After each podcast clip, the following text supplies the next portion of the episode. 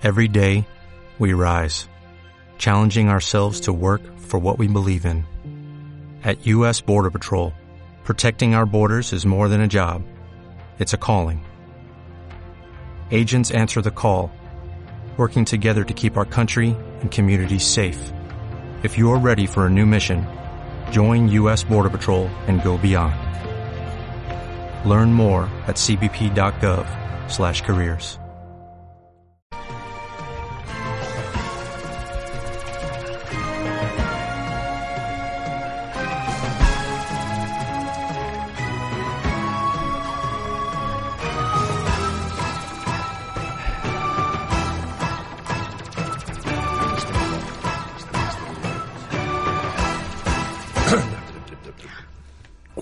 bitàcora. El viatge de la teva vida.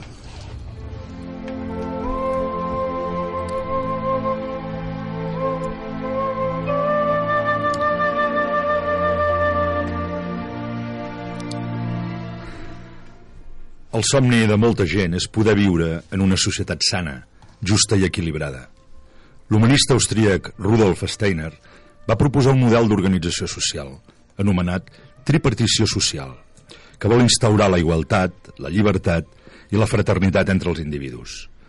En un món tan egoista com el nostre, quines possibilitats reals hi ha de poder instaurar aquest model? S'ha intentat implementar en algun lloc del món? Com seria una societat que funcionés en base a la tripartició social? Avui, de tot això en parlarem aquí, a Quadern de Bitàcora.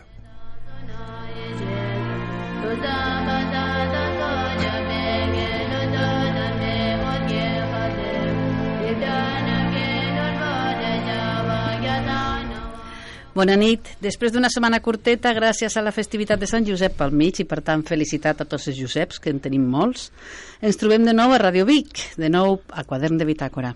Avui parlarem de la transformació social i tot i que pot sonar xinès, veureu que es tracta d'un model de vida, de societat, que compta amb la solidaritat de les persones. I ho farem amb aquest equip de bitacorians que us vol fer passar una bona estona i que ara mateix us presento. Sergi, bona tarda. Què tal, Lluïsa? Bueno, heu seleccionat alguna frase maca per aquesta setmana? Sí, de fet, eh, seguint la tradició, la nostra convidada ens ha ajudat molt i ens ha suggerit una frase que la trobo preciosa, que diu no som éssers terrenals tenint experiències espirituals, sinó éssers espirituals tenint experiències terrenals. Fantàstica. Intentaré entendre-la. Jordi, bona tarda. Hola, bona tarda. Eh, L'autor d'aquesta frase... Doncs l'autor d'aquesta frase, avui tenim un jesuïta, eh? un jesuïta que ja veureu que és for- força controvertit, però un home molt interessant. Fantàstic. Serafí, bona tarda. Bona tarda, Lluïsa. Hi ha pel·lícula, hi ha cançó, hi ha no, què hi ha? Avui no hi ha pel·lícula. Hi ha unes reflexions molt interessants d'un banquer molt especial, en Joan Antoni Malé. Fantàstic. Ignasi, hola. Hola, què tal? Cancions solidàries o...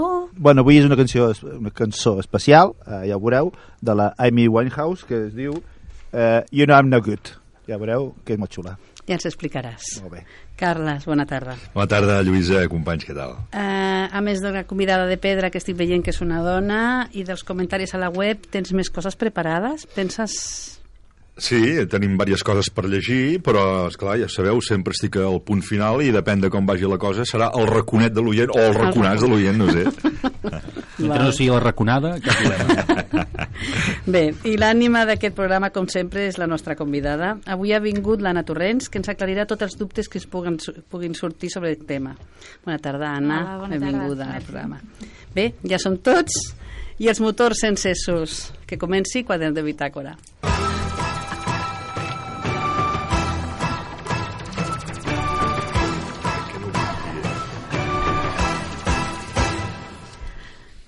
L'Anna Torrents és llicenciada en Dret i exerceix d'empresària en el món artístic. Bona tarda, Anna. Hola, de nou. tarda. De totes maneres, jo volia dir, avançar una cosa. L'Anna, el dia 22, que és el diumenge, eh, farà una obra de teatre a Sant Hipòlit, Sí. que a més a més és, té un títol molt original, es diu Monòlegs de la vagina, i que vull recomanar a la gent. Mm? Anna, eh, avui volem parlar de triformació social i potser que aclarim a la gent què vol dir això. Sí, què és la triformació, no? Sí.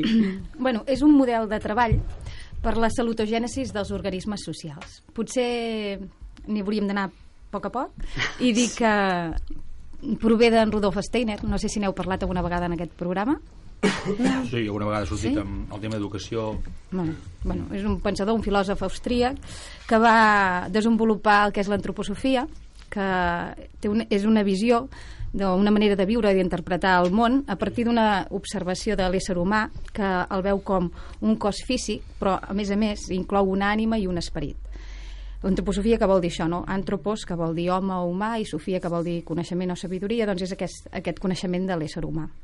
Després, aquesta realitat espiritual, anímica i física que veuen l'ésser humà es trasllada també a un organisme social. La triformació es pot aplicar a tot el que són un grup de persones que interactuen juntes, eh, sigui una empresa, un equip de futbol, una granja, una escola, un, un equip d'un programa de ràdio, el, el que sigui. No? Quan hi hagi diverses persones interactuant es pot, es pot aplicar la triformació.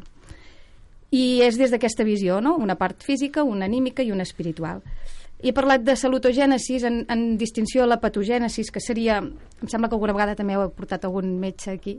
Sí. Doncs la patogènesi doctor. és quan es centra en la malaltia, quan es va en el cas en concret, i la salutogènesi seria crear salut, no? buscar aquest equilibri. Doncs la triformació el que fa és un model de treball per la salutogènesis, és a dir, per crear salut en un organisme social, no? en un, un espai on actua, actuen diverses persones. No es combat la malaltia, sinó que es genera salut en l'àmbit social. Llavors, eh, com s'estructura i més aviat com funciona? Sí. S'organitza la societat o l'empresa o, l'organisme social, el que sigui, en tres esferes que es distingeixen i que cada una des- cada una d'aquestes esferes té uns principis molt concrets. Hi ha l'esfera política jurídica que es diu, que és on hi ha tota la política, les lleis, les constitucions, els decrets, la legislació, tot el que és normativa, i en aquesta esfera el principi que hi regeix és la igualtat. No? Tots som iguals davant la llei. Després hi ha l'esfera cultural, que és mm, doncs, la salut, l'art, l'educació, la investigació, l'agricultura, el folklore, tot això, la religió també està dintre aquesta esfera, i el principi que regeix aquesta esfera és la llibertat. Ves, tots som diferents, per tant ens hem de respectar aquestes diferències que són enriquidores a través de la llibertat. I una tercera esfera, que és l'econòmica, que és compraventa, tota l'activitat econòmica, compraventes, invers, inversions, comerç, tot això, i aquest, aquest, aquesta esfera està regida pel principi de la fraternitat. No? La nostra activitat econòmica hauria de garantir que tots tinguéssim les nostres necessitats cobertes i ens hauríem de començar a mirar els uns als altres com germans i ser fraternals en aquest aspecte. No? I la triformació té només dues normes, molt simple, només n'hi han dues. La primera norma és que cada esfera estigui regida pel seu principi, la jurídica per la igualtat, la cultural per la llibertat i l'econòmica per la fraternitat, i que cap esfera devori o, o invadeixi les altres. Es podria dir que l'esfera política jurídica, aquesta de que som tots iguals davant la llei, és una esfera com més que la gent té més ho té assumit, no? Una altra cosa és que es compleixi o no es compleixi, però eh, la gent ho té integrat que hauria de ser així. No es debat si, si això és correcte o no és correcte. És com una esfera més del passat que ja es, Sí. ja s'entén. L'esfera cultural és una esfera potser més actual, que avui en dia sembla que ens estem qüestionant coses, coses d'aquestes i que s'està veient no? que potser la llibertat en l'esfera cultural donaria explicacions i ens referia a respectar les diferències que tenim i seria una, una opció que aniria bé. I l'esfera econòmica, parlar de fraternitat en l'esfera econòmica és com més de futur. Avui en dia aquestes coses sembla que no es té gaire clar. Que de totes maneres ja s'apunten eh, algunes coses en aquest sentit, però és que també veient com anem, si no ens direccionem una mica en aquest sentit, tampoc... Sí, pot sonar utopi, utopia. Sí. Tu creus, perdona, perdona, tu creus que en l'esfera cultural no hi ha llibertat? Bueno, sí, però um, sí que n'hi ha, però ni, podria haver-n'hi molt més. El que no hi ha són l'esfera cultural que no estigui invadida per l'esfera econòmica avui en dia. Perquè, bueno, des, si vols després donem uns quants exemples i l'esfera econòmica avui en dia invadeix moltes de les altres esferes. No, però eh, a l'esfera cultural, per exemple, amb l'educació, massa llibertat tampoc. No, veus, aquí és l'esfera... Cultural, sí. Sí, però és l'esfera política, que són les normes, que invadeix l'esfera cultural. El que hi ha una peça clau en la triformació, perquè dius, com, com, qui podria organitzar aquest funcionament o, o, o qui s'encarregaria de poder-ho dur a terme o com ho podríem fer, no? Però la manera de pensar actual podríem dir bueno, doncs que fossin els polítics o que fossin alguns altres que se n'encarreguessin de fer una cosa d'aquestes. Però és evident que és tornar a delegar una responsabilitat que és de, de cada un, no? És la, la peça clau d'aquesta triformació és que en el centre d'aquestes tres esferes hi som nosaltres. Hi ha la ciutadà, la ciutadà, els ciutadans civils, els individus que es responsabilitzen de la situació i que són els veritables protagonistes de les tres esferes. La visió és, més aviat, so, si som part del problema, doncs convertim-nos doncs, en part de la solució. Clar, uh, ara ja entenem que hi ha tres esferes i dues normes, però potser amb algun exemple seria més... Sí, per exemple, aquest, aquest que dèiem no, de Sí. l'ensenyament seria un, un, un, quan la no, una norma diu com s'han d'educar els nens és quan l'esfera jurídica invadeix l'esfera cultural. Un altre exemple seria, per exemple, casos de la, són habituals, eh? la farma, les farmacèutiques que investiguen o utilitzen criteris econòmics en llocs de criteris de salut. No? Això és l'esfera econòmica que invadeix l'esfera cultural. O eh, jo que treballo amb artistes, quan una discogràfica li diu a un artista com ha de crear, doncs és l'esfera econòmica que torna a invadir l'esfera cultural. Altres exemples, per exemple, un país fonamentalista, és l'esfera cultural, que hi ha la religió dins de l'esfera cultural, que invadeix la, la jurídica, que es converteix en norma, això. O, per exemple, empreses estatals, que seria l'esfera jurídica que invadeix l'econòmica, o les decisions polítiques que estan supeditades al mercat financer, que també es diu tant, és l'econòmica que invadeix la, la política no s'hauria de deixar, en teoria, eh, cap d'aquestes responsabilitats, com l'educació, ni en, man, en mans de ningú, vaja, ni dels mestres ni dels polítics, l'educació és responsabilitat dels pares, per exemple, ni, ni, ni l'art en mans del ministeri, ni l'espiritualitat en mans de cap església. No? En el moment en què cadascú de nosaltres ens responsabilitzem de les nostres petites coses, doncs ens anem situant al mig de les tres esferes. Sí que és cert, sí. En la pràctica, eh, com podríem portar-ho a terme nosaltres? A la pràctica, Podem? bueno, clar, en, a, a, és individualment anar-nos situant allà on ens toca, no? El- L'esfera aquesta política ja està més com més integrat, Sí. i l'actual és molt cultural, la que ens queda més lluny és aquesta econòmica, que per exemple ens podem preguntar coses com què és el diner, o bueno, l'inici del diner va ser intercanvi de, de productes o serveis, em sembla que van ser els templaris que van, que van introduir el, el diner de préstec o el xec, la lletra de canvi, que eren per financiar l'emprenedoria, no? per financiar totes aquestes, aquestes coses noves, aquesta energia de, de crear. És que hi ha com tres qualitats del diner, no? aquesta de, de compra, aquesta de préstec i després la de donació, és una altra qualitat del diner. Com ens, ens podem responsabilitzar? Doncs sent protagonistes, com, com amb el diner de compra, doncs qüestionant-nos coses com per què ho compro, o ho necessito, o, o on ho compro, coses d'aquestes. Diner de préstec. Actualment, si tu tens uns estalvis, aquests estalvis serveixen per, per, per prestar. Són, ets un prestamista perquè tu tens un sí. diner de- d'estalvi de, que està allà i que s'està utilitzant. Pues és convertir-nos una mica en prestamistes més conscients de saber d'interessar-nos a veure què s'està fent amb el nostre diner. I el diner de donació, el diner de donació és un diner que també és com una mica més de l'esfera del futur, també, però és perquè aquesta esfera cultural sigui lliure a través de donacions que no siguin que venen de l'esfera econòmica, no? Sí. Bueno, és de mica a mica ens anem responsabilitzant de l'esfera econòmica i anant-nos situant al mig. Aquí podem incidir-hi. Una cosa, Anna, uh, hi ha altres visions de l'antropofosofia, perquè això pronunciar-ho tela, eh? Antroposof antroposofia Sí. bueno, que es puguin aplicar avui en dia a l'àmbit social Sí, bueno, aquesta visió que, deix, que dèiem de l'ésser humà, no? que té aquesta part física, anímica i espiritual, també es contempla amb les organitzacions socials, amb les empreses, amb, amb els grups, té la mateixa visió. Per tant, una empresa o un grup té una part física i, etèrica, no? que és tot el que es pot tocar, mesurar, tots els processos vitals, els de moviment, processos comptables de fabricació, de comunicació, de formació de persones... Tota, bueno, tots aquests processos es, es contemplen com un cos físic i etèric.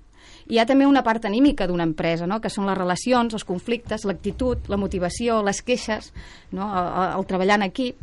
Però també hi ha una part espiritual de l'empresa o del grup, que és la seva identitat o els seus valors. No? Igual, igual que amb tot, els nostres actes neixen de les nostres valors. Doncs, que ja avui en dia potser és una gran desconnexió tant individual com empresarial d'aquests temes, però Bé, abans de deixar-te una mica de respir, perquè ja, ara almenys ja sabem què vol dir triformació, eh, volem fer... No sé si Sergi vol fer alguna pregunta primer, Sí, sí. Jo, per exemple, ara, ara t'escoltava, Anna, i, i eh, pensava que eh, és fantàstic, és meravellós, és extraordinari aquesta visió, no? Però bé, miro una mica el món i veig que estem tan lluny, és com, no sé, quan tu ens parlessis de Walt Disney, llavors mires la realitat i ens trobem al barri de la mina, no? És una cosa tan, tan separada de la realitat que, que, que ostres, a, mi el que realment m'inquieta és eh, com podem anar cap aquí, no? És a dir, eh, no sé, Steiner em deia algun, eh, algun camí eh, per, per anar cap aquí? Hi ha alguna societat que s'hagi intentat aplicar això o només s'ha fet a petits eh, grups? Bueno, l'Steiner va dir que la triformació, quan ell ho va, ho va dur a terme, va dir que la societat de llavors no estava preparada per dur a terme això, que és només una cosa de futur. I ara, actualment, doncs, hi ha empreses que estan funcionant amb aquests criteris, hi ha grups de treball que funcionen amb aquests criteris, i sí que hi ha, per exemple, poblats petits que també funcionen així, però això és una cosa que és a dir, el, el, que es, el que sí que es pot fer és tot a nivell individual. Mm. Jo puc fer alguna cosa en aquest sentit, doncs si jo puc i tu també, i tu també, doncs mica en mica. Mm -hmm. Ok. Com vas entrar en el món de la triformació, Anna? És una curiositat. Ara Bé. sí que, com una persona... Eh? Sí, una bueno, jo persona com que, tinc una empresa, quan vaig començar a qüestionar-me coses com una visió des del punt de vista aquesta, no? de que una empresa té el seu, la seva part física però també l'anímica i l'espiritual, doncs em vaig interessar moltíssim perquè quan fas les reunions, per exemple, amb aquesta frase que heu dit al principi, fem reunions i aquesta frase surt molt, quan hi ha qualsevol conflicte, quan hi ha qualsevol cosa, no ens, ho, no ens enganxem tant. És una visió més de si estem aquí, estem fent això, és per alguna és per alguna raó, és per aprendre alguna cosa, doncs té, té més sentit, no? Vosaltres apliqueu la triformació a l'empresa Sí, sí, sí. i dona un rendiment bo. El personal està Bueno, si més no, la part anímica està bé. Però aquesta no apliqueu triformació aquí al Sí. programa i també la teniu molt bé, la part anímica. Sí. Bueno, això ens ho haurem de plantejar, eh? la triformació vitacoriana. Mm, Per propers plantejarem. programes, eh, és Ignasi, que és molt- apunta. És molt interessant aquest tema. Jo ja ho faig, eh? De, Ah, de totes maneres, tu, tu apuntes que és l'individu no? que, que ha de començar a prendre aquesta, aquesta visió de transformació, però tu estàs en una empresa i tots més o menys esteu en aquest, en aquest àmbit, una persona comú, normal, que està en una multinacional, pot prendre aquesta actitud, li serveix d'alguna cosa, realment? O sigui, pot influenciar tant com perquè... O, o primer has de trobar un grup de gent que tingui predisposició a fer això. Bé, Hi ha dues coses aquí. Per exemple, a l'empresa només sóc jo que tinc que m'he format en triformació, vaja. Però és una visió que, que la gent s'hi acull fàcilment encara que no, que no, no, no, no sé, no, a més tampoc et fiques en temes religiosos de cadascú, no. És... Ara, amb empreses grans sí que es necessita almenys que els directius o la gent que porta, eh, eh, porta això pugui que porti l'empresa pugui donar coses de triformació, sí. De totes maneres, penso que en, encara que no tinguis cap empresa, en qualsevol àmbit, aquesta visió t'ajuda una mica a conèixer més. O... I, I la informació, vull dir, que fan cursos o has sigut tu autodidacta? No, hi ha uns cursos a Barcelona, hi ha el Triform Institut que fa cursos a Barcelona. Sí, prepara. Sí, molt bé. Teniu més preguntes, no? I que a les empreses deu ser difícil, no? Els que van intentar, perquè l'esfera econòmica deu ser la que, Sí. la que deu... Bueno, actualment, sí, a l'esfera econòmica, actualment fraternitat es, es substitueix una mica per sostenibilitat i és tot un procés, eh? Bueno, i també fas equilibris, clar, a l'esfera a l'esfera política seguir les normes també vas fent equilibri. Si segueixes les normes i ets impecable amb la norma, però després no, po no pots pagar sous, doncs has de buscar una mica l'equilibri i sapiguent, és igual com nosaltres, no? Potser prenem una, una alimentació que potser no és la més adequada, però som, ho sabem, doncs vas fent equilibris entre el que tu vols, el que no, bueno, el que pots. Acabaria sent com les persones són el centre de l'empresa, no? Una mica, Sí, no? Sí. Seria alguna cosa així. Sí. Home, suposo que és un moment molt interessant ara per, per contemplar aquesta possibilitat, no? perquè estem en un moment de, de revisió de molts, molts conceptes no? i de molts valors. No? Eh, la gent es dona en compte no? de que les antigues formes, les antigues tradicions, estructures pues no, no se sostenen i es, estem buscant noves possibilitats. No? Mm. I aquesta, més, és molt atractiva, no? perquè veus que, carai, una societat que funcionés d'aquesta manera pues seria molt més harmònica molt més equilibrada que no el que tenim ara entre mans. Clar, però que una societat funcionés d'aquesta manera voldria dir que tots estem responsabilitzats de les nostres coses, sí, sí. Bueno, avui en dia també hi ha com aquest descobriment no, de, de la ciutadania civil, de que, bueno, a part de tot el que es discuteix i a veure què passa, no? però si es, es canvien uns, uns partits o hi ha un govern que, que es modifica però se'n a nosaltres i es segueix delegant les funcions, no anem enlloc. Mm. Però sí que es va veient que la ciutadania civil té una, una responsabilitat o té una capacitat aquí de poder decidir i poder... Bueno, això són bones notícies. Sí. Home, i a més a més que es basa en principis com la igualtat, la llibertat, la fraternitat. És que re- dolent no pot ser. Dolent no pot ser. Es falta legalité. Sí, sí, clar, són inspiradors de la Revolució Francesa. Sí. Bueno, ara et farem cinc preguntes curtes. Et Vale. reserves el dret de no contestar. Són Ah. molt curtes, eh? Vale. És per acabar l'entrevista. Una cançó. Una cançó. Ostres, doncs no ho sé. Ah, és que n'escolto moltes, depèn, però jo que sé, puc escoltar des de My Way d'en Sinatra al Depende de Vas Jarabe de Pala. Molt. Un llibre. Un llibre, ostres, doncs... El mateix. També, sí, sí. Bueno, ara fa molt temps que no llegeixo novel·la, però n'havia llegit molta. No sé, per exemple, quan era jove em va impactar molt en Goethe, un, qualsevol llibre d'en Goethe em va agradar molt. Una pel·lícula. Una pel·lícula. Uh, ara no sé per què em tornen venir ganes de veure com es deia? L'Atlas de les Nubes, que la vaig veure fa molt temps nubes. i ara tinc ganes de tornar-la. Bona. Un lloc. Un lloc. Qualsevol lloc. Qualsevol lloc. I una frase que t'acompanyi. Aquesta que heu dit m'acompanya molt, però també m'agrada una que diu... Ja no sé si la diré bé, eh? però és... Um, si vols anar ràpid, ves sol, si vols arribar lluny, ves acompanyat. Fantàstic. Doncs bé, en uns segons continuarem parlant de transformació social aquí a Quadern de Bitàcora.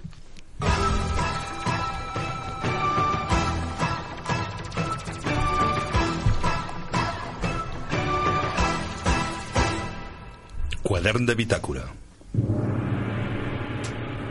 Tot començarà a canviar. Triformació social. Jordi, ens pots repetir la frase, sisplau? Sí, i tant. Uh, la frase d'avui diu uh, no som éssers terrenals tenint experiències espirituals, sinó éssers espirituals tenint experiències terrenals. Mm? Una frase jo crec que, que, té, que té molt, molt de calat. Aquesta frase la va, la va dir el Pierre uh, Teilhard de Chardin, eh, que és un teòleg, o era un teòleg, paleontòleg i filòsof francès, reconegut internacionalment pels seus esforços eh, per conciliar la ciència i els preceptes de la fe catòlica que tenint en compte va néixer al segle XIX una cosa gens fàcil eh?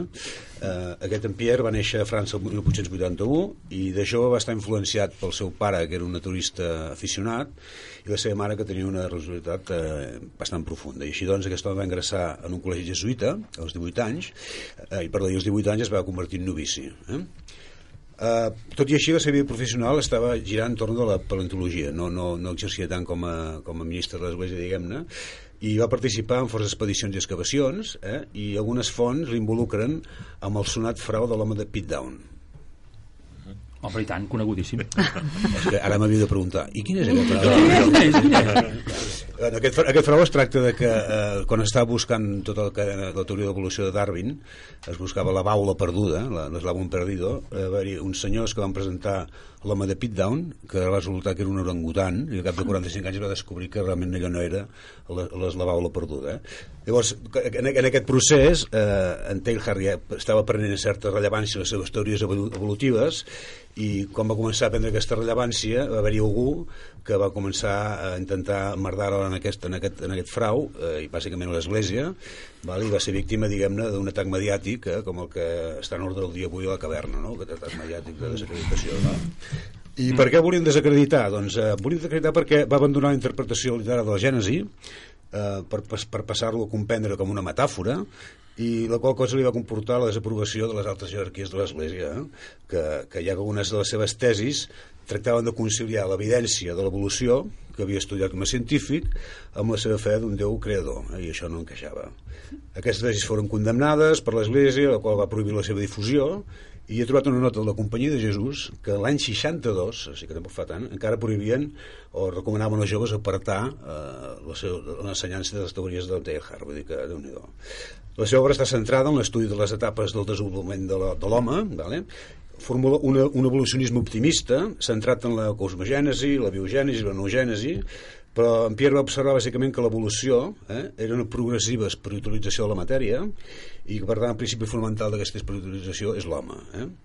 Uh, finalment va morir a Nova York el 55, el dia de Pasqua, i l'anècdota diu que l'any abans estava sopant uh, en el consolat de França, en aquesta mateixa ciutat, i va confiar als seus amics el seu desig de morir el dia de Pasqua, uh, el dia de la resurrecció, i, i li va ser concedit perquè l'any següent va morir exactament aquest dia. Eh? bueno, Sergi? Déu-n'hi-do. Déu Sergi. Tornem a llegir la frase, Tornem a llegir. que és prou bonica. Som éssers terrenals tenint experiències espirituals. Perdó, no som éssers terrenals tenint experiències espirituals, sinó éssers espirituals tenint experiències terrenals. Home, d'entrada la frase ens està dient que, que, que tots tenim, ens agradi o no, vulguem o no, ens ho creguem o no, la cultivem o no, una dimensió espiritual. Mm? El que passa és que aquí ens trobem amb el de sempre, no? La, la, la paraula espiritual a vegades espanta, no? Tu dius això i molta gent ho associa, pues, no sé, bé, des del que ho associes simplement a església, a misses, eh, si eres petit i els capellans anaves a un col·legi de monjos, monges que et picaven els dits, ho associes a alguna negatiu, eh, inclús pot ser que algú associï, pues, no sé, temes esotèrics, ja, ja estem amb aquest, amb aquest paraigües tan gran de la paraula espiritualitat, no? Mi sempre m'agrada intentar eh, buscar l'arrel de les paraules, no? I alguna vegada aquí ho he explicat, que per mi espiritualitat ve d'espíritus, que significa alè o buf d'aire, per tant et remunta a la respiració, la respiració és sinònim de vida, és la base de la vida i per tant per mi espiritualitat ben entesa és la búsqueda de la vida autèntica i aquesta vida la tenim, la tenim dins nostra no? eh, per tant tots tenim aquesta part profunda, transcendent, digue-li com vulguis dins nostra, altra cosa que la tinguem adormida o, o que no ens interessi no? El que passa que una, ara fa poc vaig explicar que, que hi ha molta gent que diu que no li interessa l'espiritualitat, no? però des d'aquesta nova perspectiva del que entenem per espiritualitat és ben absurd dir que no m'interessa l'espiritualitat, espiritualitat, no? és com dir que no m'interessa el ronyó. No? A veure, eh, conxo, a qui no li interessen els seus ronyons? Si els ronyons no et funcionen, eh, et posaràs malalt i, i, i, i, i moriràs. Per tant, no funcionarà cap part del teu cos. No? Si no et funciona o no estàs connectat a l'espiritualitat, jo diria que no funciona res, absolutament res. No? És a dir, què passa quan ens desconnectem d'aquesta dimensió, digue-li, espiritual, no? Bueno, bàsicament que els pensaments i les emocions que, que, que tenim no provenen, diguem, d'estats interns profuns i de qualitat, sinó de desitjos, digue'ls, inferiors, no? Que bàsicament tenen per objectiu satisfer el jo a costa del tu, bàsicament, no? Aquí venim una mica a el que dèiem abans, no? Que vivim en una societat per mi tremendament egoista eh? el jo és la paraula central no? és agòlatra i egocèntrica a uns nivells eh, estratosfèrics eh?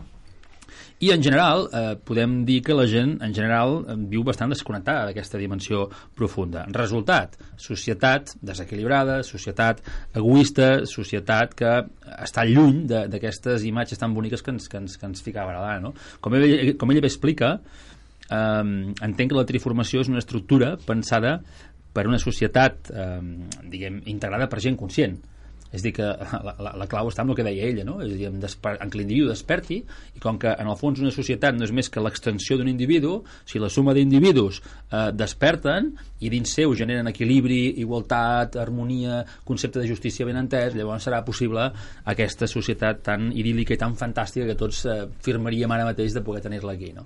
Però clar, a vegades ho veus, no? és dir, els poders que tu explicaves estan molt completament desequilibrats, uns es fiquen a, a l'esfera dels altres, és, és una cosa bastant allunyada, no? Vull dir que ojalà, no? I per tant, per mi la, la, la invitació és a que l'individu es faci responsable de la seva vida psicològica, que no continuï fent responsable de la seva felicitat, del seu benestar, els polítics, els no sé qui, el mossèn, a qui, fa, a qui sigui, sempre a fora, no? Per tant, la idea seria eh, recuperar eh, el govern a nosaltres mateixos i fer-nos responsables de la nostra vida, no? I hasta aquí el comentari de la frase del dia. Gràcies, Sergi. Gràcies, Jordi. Recordeu que estem a Quadern de Bitàcora.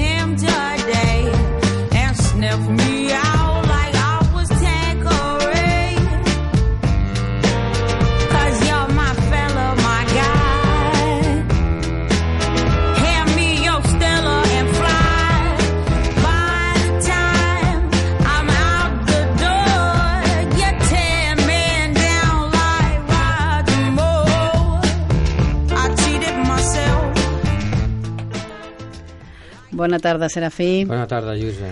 Em pots dir quina relació té aquesta cançó amb la triformació social? Doncs que jo sàpiga cap. I, i doncs? Bueno, mira, és que en, en Nas i jo hem pensat que ja està bé de tanta teoria al programa, no?, de que si tai chi, que si qigong, yoga, moviment lliure, alimentació saludable, però aquí cap dels que estem aquí al programa em sembla que ho ha portat a la pràctica, no?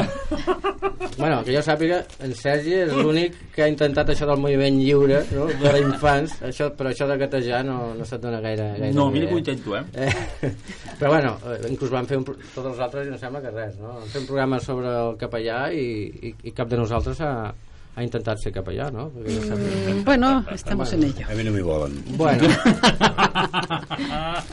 així, seguint el que ha dit la nostra convidada, eh, el que hem decidit amb en Nasi és eh, portar a la pràctica la transformació a la secció. Efectivament. Doncs, efectivament. Doncs, doncs mira, i hem començat eh, per l'esfera cultural, la llibertat cultural. Així és que hem triat una cançó que ens ha vingut més de gust, que és aquesta de l'Amy Winehouse. Però, No m'acaba de convèncer, eh? Eh? això d'aplicar la triformació. Bueno, Si això implica donar més poder a en Nas i en Serafí, jo m'hi nego. ei, hem d'intentar-ho, no? S'ha de provar, no? Sí, sí. Nasi, posa una estona més de la cançó.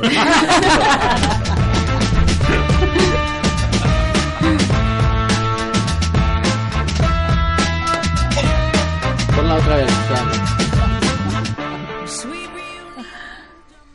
Vale, bueno, jo, pel que respecta a la igualtat davant de la llei, aquesta era difícil, no? Dius, com, com la portem a terme? Però hem pensat que podríem formar el partit bitacurià, no? Sortir elegits diputats i ja serien tots de, de l'equip... Eh, bueno, tots els de l'equip seríem aforats, no? Com els, igual que els polítics, no? La igualtat política, no? Igual que els polítics. Estaríem coberts, no? Vull dir que, bueno, estaria bé. Bueno, pel maig una- podem parlar. Pobra societat. Partit bitacurià. Partit bitacurià, mare Eh? meva. Bueno. que Parlarem amb el director d'aquesta ràdio, també. Bueno, i, i, bueno, i ara ve el bo, ens queda la, la fraternitat econòmica, no? a l'esfera econòmica, o la fraternitat en el treball, no? això de, de compartir el treball. Per tant, avui, més que mai, sereu vosaltres els que fareu una mica la secció, no? Posarem els diàlegs i, i ja direu. Vull dir Quina, que... quina cara més dura. Ei, estem aplicant la, la transformació a la secció, vull dir, a les organitzacions. Bueno, eh, escoltarem diàlegs d'una persona que, així com la nostra convidada, com a mínim sap de què, de què va la triformació. Potser nosaltres ho fem de bona fe, però no sabem massa bé com va, no? Però eh, escoltareu amb en Joan Antoni Melé, que és sotsdirector general de Triodos Banc Espanya, i és un conegut conferenciant. Escoltarem fragments tant d'una entrevista que va fer amb, en, amb el programa del Buenafuente a la Sexta del 2011 i també d'una- amb un programa de, de, de ràdio que es diu Compromís Ciutadà que estava a Ràdio Estel, que també és molt interessant. Llavors, eh, es tracta de que eh, dieu un número de l'1 al 14 i sortirà un diàleg i a partir d'aquí doncs, dieu el que en penseu. Per 15. exemple, Sergi, digues un número. El 15. L'11. No, entre l'1 al 14. L'11? Va, 11 doncs més 15, 26, 13, va. 11, endavant. Avui és 13. Està bé. A, a, veu liat, eh? Ah, això de la triformació, eh? Va, el primer, que- el primer que ha dit eh, en, en Jordi era l'11, doncs a, per l'11, que sigui el que sigui. Que sigui el que sigui. I a més a més hauríem de recordar que educar no és omplir el cap de coneixements de matemàtiques, física o gramàtica, sinó que educar és ajudar a ser persona. I aquí no hi pot entrar l'Estat a dir això. Cap pla d'educació parla d'això, només parlen de continguts. I Fantàstic. Endavant. Ah, vaig comentar jo a sobre. Bueno, és bé, igual. doncs, això, això és informació. Bé, en tot cas... eh, Aquesta gent interpreta malament el que és la triformació, eh? Sí, Ells ho exacte, interpreten com bàsicament que no foten ni brot. I tots nosaltres. aquesta setmana no, tinc, no hem tingut temps. Jo crec que aquest comentari recull una mica el que, el que t'hem encotat en un programa anterior, no? que, que hi ha una part de, de, la, de, la, de, la, de la llei educativa que només és el cap de coneixement i aquesta part de responsabilitat que, que els pares delegaven també en els, en els mestres, no? doncs eh, una mica tampoc la, la volem assumir, no? que crec que és una mica el que gira entorn a aquesta va dir la nostra convidada. De fet, diu eh, ajudar a ser persona, no? La persona que sigui al centre de, de, de l'educació, en aquest cas, no? És el que diem sempre, no? En un món en què normalment no ens eduquen en, per, per viure o per aprendre a viure, ens eduquen, jo penso, per sobreviure, no? O per, per adquirir una sèrie de coneixements que ens han de permetre viure o relacionar-nos en una societat, no? però no ens ensenyen a viure, eh? viure en plenitud, eh, a connectar-nos amb totes les nostres parts internes, perquè també per desconeixement, no? per això arribàvem tantes vegades amb altres programes a aquella idea de que per poder educar primer hem d'educar l'educador no? una miqueta, ens hem d'educar nosaltres i llavors podem donar alguna cosa de, de valor no? a vegades a mi em fa gràcia no? quan veig reformes educatives no? i veig que discuteixen molt sobre, no sé, si, ficar pissarres a les aules o sobre si portar bata o no portar bata o uniforme dic, mare meva, que són temes tan uh, superflus en comparació amb, per mi la revisió profunda que, que requeriria una, una, una revisió educativa que en fi, en fi Molt bé, doncs va, un altre número. Va, Lluïsa. Mm, Jo passa palabra. és igual, pot comentar tothom. Només dius doncs el el número. 13, tal com ha dit en Carles, avui és 13, no? El 13, no? Avui és 13? No, ho sé, no sé, no tinc ni idea. avui no és 13, avui és dia 20 Ah, no? Avui no és 13. avui és dia 20, no recordes que programa ho fem en directe? Clar, clar. Avui no és 13. Si va ser Sant Josep la setmana del dijous i vam fer festa, és veritat, m'has enganyat. Sí, això de, això de la transformació comença a ser raro, eh? Va, que hi ha més números, vinga, va. O trio jo, eh, mira, tri, jo trio el 10, va. Déu. El 10.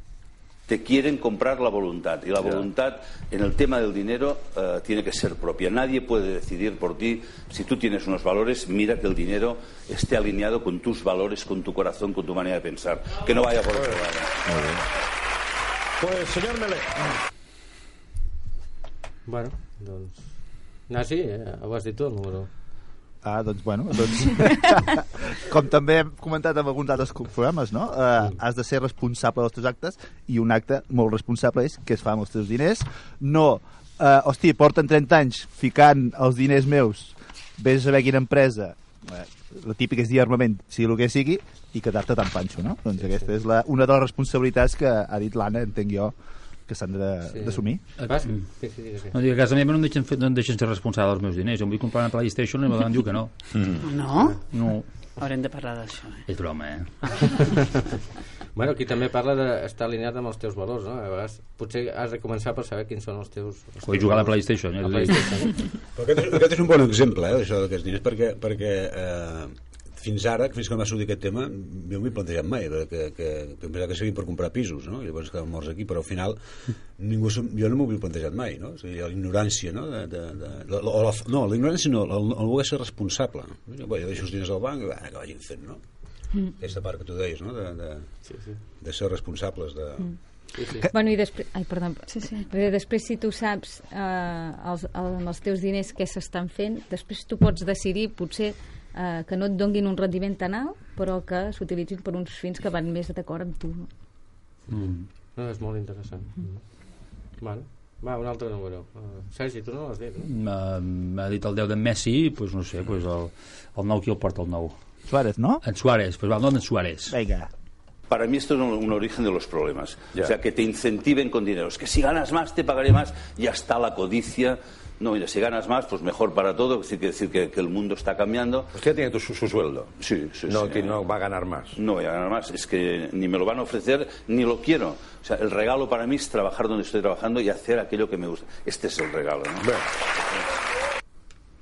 Bueno, claríssim el que hem dit abans, no? És dir, mentre el ser humà segueixi identificat o arrelat amb aquestes velles cobdícies, velles maneres d'entendre el món, velles maneres d'entendre la societat, velles maneres d'entendre a si mateix, és molt difícil poder renunciar a la cobdícia. No? Llavors, la transformació del ser humà et portarà que realment donem més importància a temes com aquests, no? com el sentir-te realitzat en el que estàs fent, sentir que fas alguna útil per la societat, alguna per tu mateix, i caram, i, i això és el que seria desitjable. No? Per tant, com dèiem abans, penso que hem d'anar cap aquí, no? cap a la revolució individual, perquè hi hagi una revolució social abans d'haver una revolució individual. Uh -huh, és important. Aquí cal dir que ens, aquí el programa ens és fàcil això perquè no guanyem un duro. Podem dir que és uniant.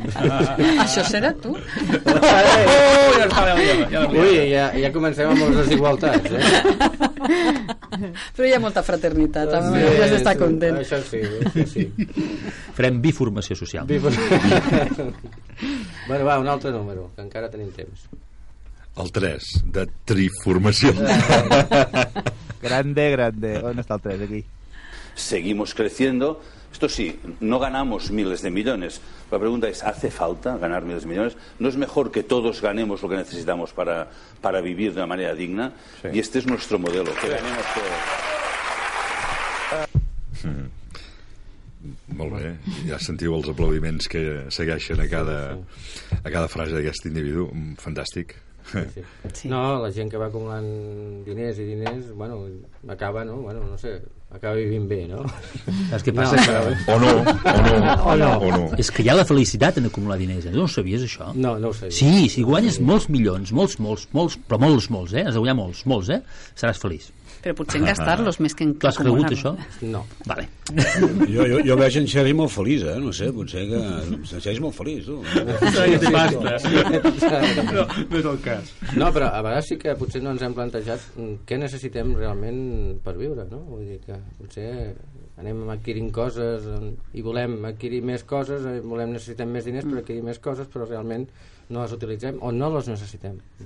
Pues, formular-te preguntes d'aquestes són preguntes de qualitat que el que fan és tu anar-te situant el, sí. com a responsable de totes les teves de la teva vida, vaja.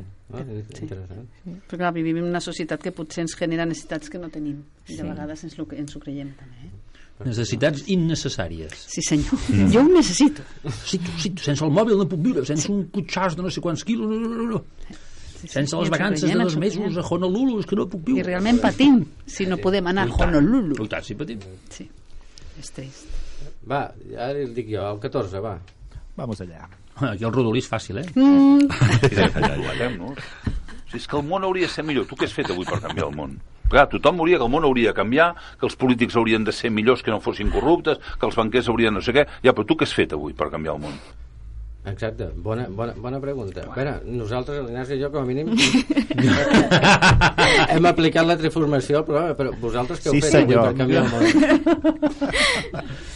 No m'ho facis dir. Bueno, vosaltres avui heu fet un programa de ràdio de la triformació. Per tant, Ah, ja és doncs un perfecte. petit... Ah, ah, T'ha pillat. Tu Oi, no sabies, la setmana eh? passada, que també vam parlar de solidaritat, Sí, sí, penso que, bueno, alguna cosa... El granito de arena. Mm. Aquest petit granet de, sorra. No, però jo crec que és una bona pregunta, no? Perquè és aquella conversa de bar típica de, de que ja, aquests polítics, això, jo... tothom canvia el món, o, els bars i això, però realment fes aquesta pregunta sí. és el que deies, fes una pregunta de, De qualitat. De qualitat eh? Bueno, sí, ara tots estem acostumats que volem que ens resolguin tots els problemes, a qualsevol nivell de salut, d'econòmics, tothom ens ho ha de fer per nosaltres, no? Ningú accepta això, que s'ha de remengar i posar-s'hi. Sí, sí. Sí, ara hi ha, hi ha una cosa aquí que estava rumiant amb aquest, amb aquest que hem fet avui pel tema de formació i, aqu i aquesta part de, de, o que hem fet avui per, per millorar, aquesta part de que eh, sempre busquem el que ho faci l'altre no? el polític és el que m'ha de solucionar el que no és el que m'ha de solucionar hi ha, hi ha un tema que és políticament incorrecte i ara ho diré i tindrem molts comentaris i prepara't mm. eh, moltes vegades hi ha, hi ha, hi ha moviments no? com per exemple la plataforma d'afectats a l'hipoteca no?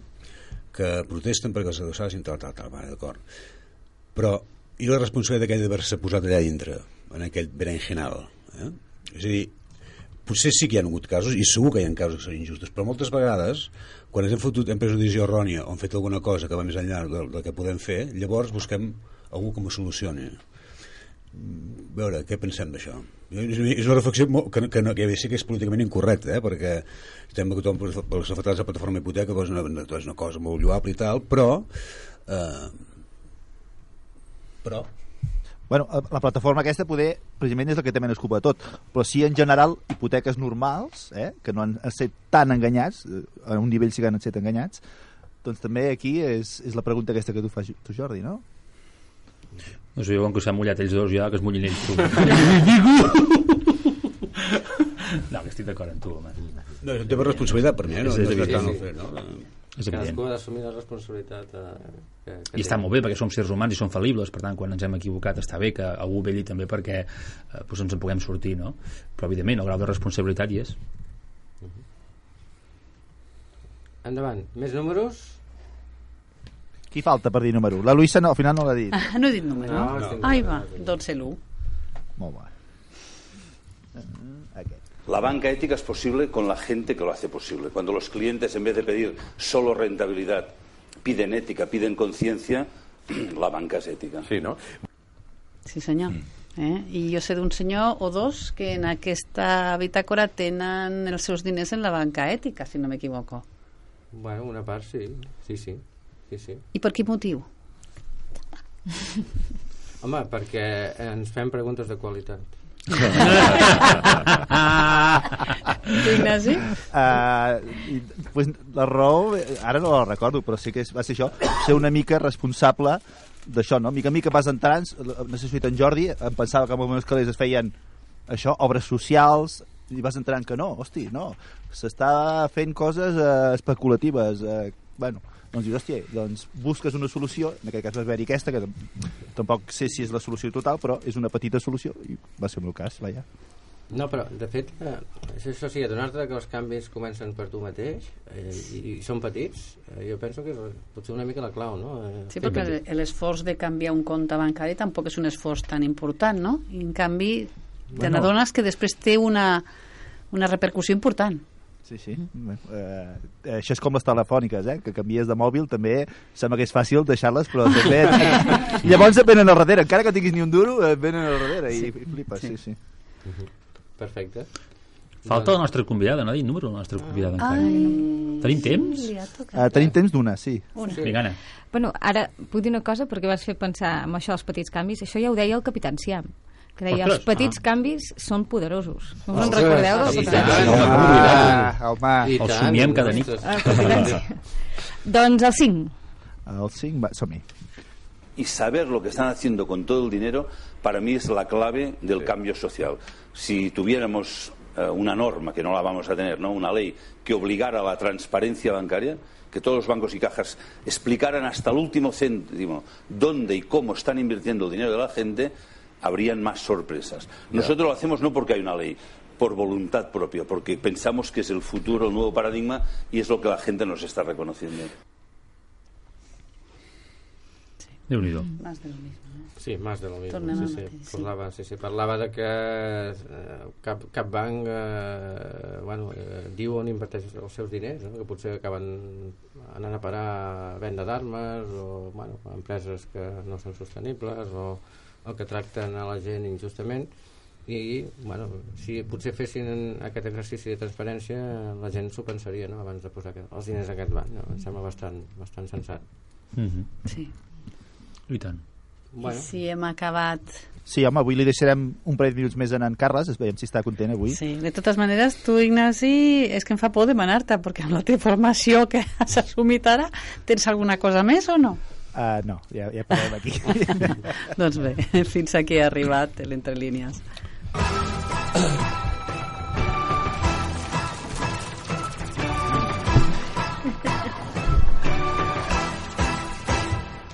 Quadern de bitàcora. El viatge de la teva vida. Bona tarda, Carles. Bona tarda, bitacorians, què tal? Ens presentaràs a la teva convidada d'avui. I tant, com no. Però fem-ho d'una altra manera.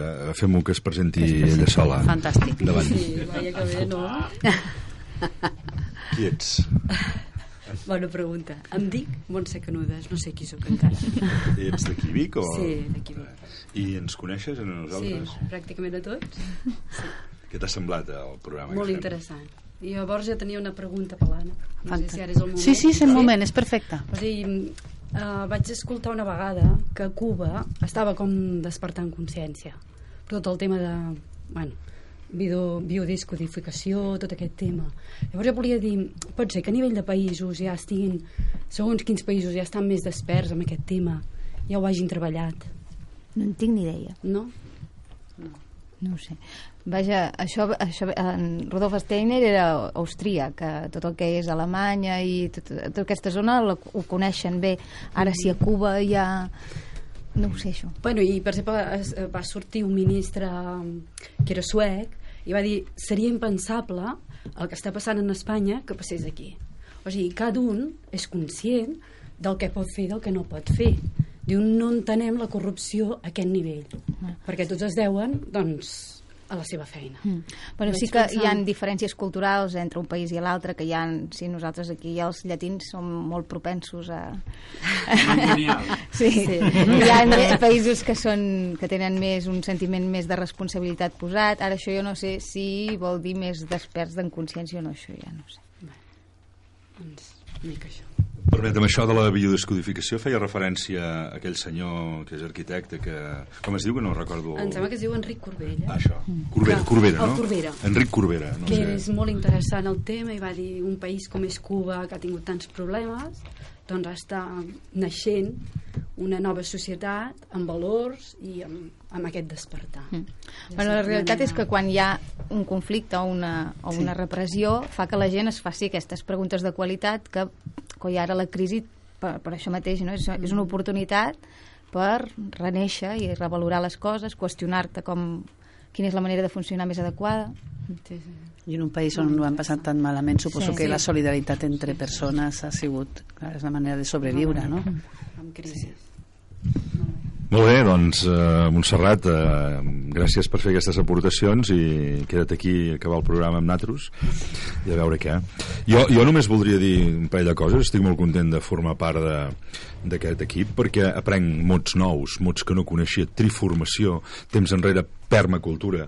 Hi ha tot de coses que m'imagino que molta gent eh, des de casa els hi sona xino tot això, no? Llavors, eh, molt agraït de, de, de sentir-ho aquí eh, en veu directa i tan ben explicat i tan ben argumentat com ho has fet tu. O sigui que moltíssimes, moltíssimes gràcies. Bé, eh, anem per la secció del raconet de l'oient, El perquè no sé si queda gaire estona. Eh, jo he agafat eh, un parell o tres... Tenim temps, eh? Tenim temps, bueno, sí, això és un tranquil. m'estresso tant, eh? Vaig més, No, no, pots anar mica. tranquil·lament, Vale. sí. Doncs eh, tenim un parell o tres de comentaris. Eh, començaré pel primer. Eh, fa referència al programa de les relacions de parella i eh, m'ha agradat molt perquè està escrit per la nostra col·laboradora, la Lourdes TV. Ai, va. Llavors crec que, que valia la pena. Diu, moltes felicitats per al programa. Això també li acceptem, vale? Va, sí. Diu, portem 30 anys de parella, entre parèntesis la segona. Està bé també la sinceritat. I per nosaltres els ingredients principals són la complicitat i el sentit de l'humor. Molt joc i ganes de sorprendre un a l'altre. Ah, Està bé, eh? I tant. Doncs Lourdes, eh, moltes, moltes felicitats també per tu i per aquesta, per aquesta empenta que veig que tens en el món de la parella. Sí, i una I fins abraçada, aviat. sí. I fins aviat, esperem per aquí. Seguim, seguim, seguim. En tenim un que està relacionat amb el, amb el programa de- d'educar els fills. Uh, ens l'ha escrit un tal Nabucodonosor. Cada vegada m'ho fan més difícil. Nabucodonosor. Eh, que era un rei visigot, en Nabucodonosor? Ostres, sembla. Us en recordeu dels reis visigodos? I tot, La lista de los reyes Això era- visigodos. Jo penso que ja molt veterano i aquella època. La lista de los reyes godos, i n'hi havia 38, o no sé pas Ludovico, quants. Ludovico, tu amb Vico. Sí, bueno.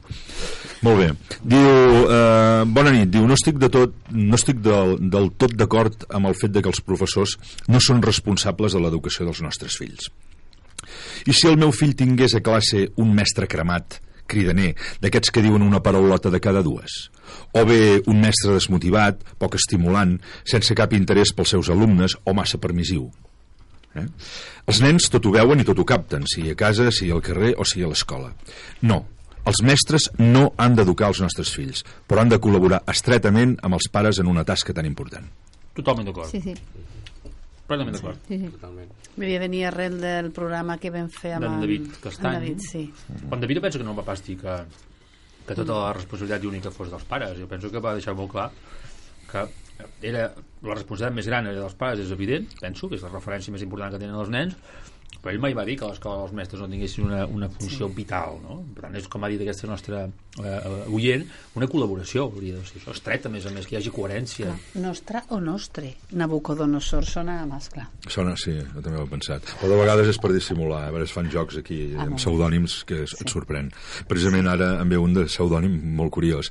Uh, aquest tercer comentari també fa referència al programa de, de la parella i diu així, es diu, el test per veure la salut o la consistència de la parella em va agradar molt, però em va sortir, eh, em va sortir que els dos primers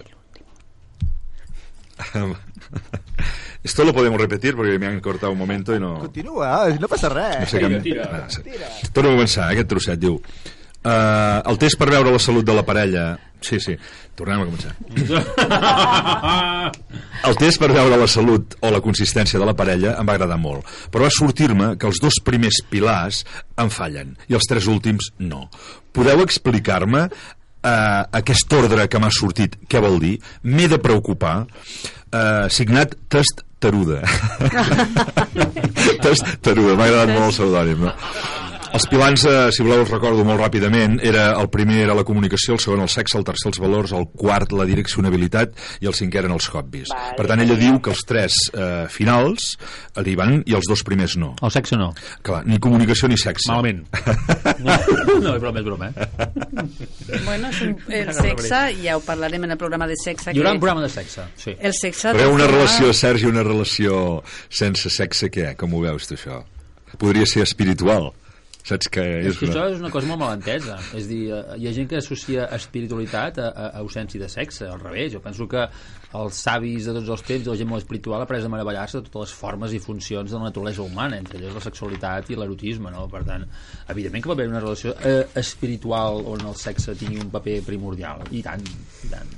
jo, jo afegiria, afegiria uh, uh, ja, ja, per fer propaganda que no se'n preocupi, que se n'ocupi eh? és a dir, que per el nostre programa ja fan que el programa arregla les preocupacions si realment no funciona i vol canviar-ho se n'ha d'ocupar, ha de fer alguna cosa no, no, no canviarà sol Sergi, Ben vist, ben hem vist. d'accelerar aquest programa sobre Hem d'accelerar el preu del sexe. Sí, sí perquè venen, arriben coses, eh? arriben, arriben coses, està bé. Molt bé, uh, bueno, doncs uh, ho podríem deixar aquí. Dir-vos que els, les persones que ens feu arribar uh, comentaris o reflexions o, o qualsevol mena de cosa, entreu amb el sorteig del llibre Sigong. Sí, però no venen a buscar-lo. Van guanyant gent, però no venen a buscar-lo. Tenim acumulats aquí. Tenim una pila de zigongs. Va, doncs uh, res, fins aquí el racó de l'oient. i Gràcies, Carles. De res. Bé, un altre programa que s'acaba. Recordeu, som una comunitat, vivim en comunitat i som nosaltres els que amb les nostres decisions podem constituir, construir una societat més justa. Tornarem la setmana vinent i mentrestant podeu escoltar els programes a la nostra web quaderndebitácora.cat o entrar al Facebook i mirar les, fo les fotos. A més a més, si, podeu, si voleu venir a Radio Vic com a convidats, tenim una adreça que és qualsevol cosa arroba quaderndebitácora.cat i aquí ens demaneu i us direm quin dia podeu venir. També us vull recordar que el dia 22 podeu anar al Teatre Sant Hipòlit a veure una obra fantàstica que es diu Monòlegs de Vagina. Grande! Donem les gràcies a la nostra convidada, la Anna Torrents. Gràcies, Anna. A la convidada de Pedra, Montserrat. I a aquest equip que us acompanya cada setmana, Sergi, Jordi, Serafí, Ignasi, Carles i Lluïsa. Bona nit i bon cap de setmana. like I knew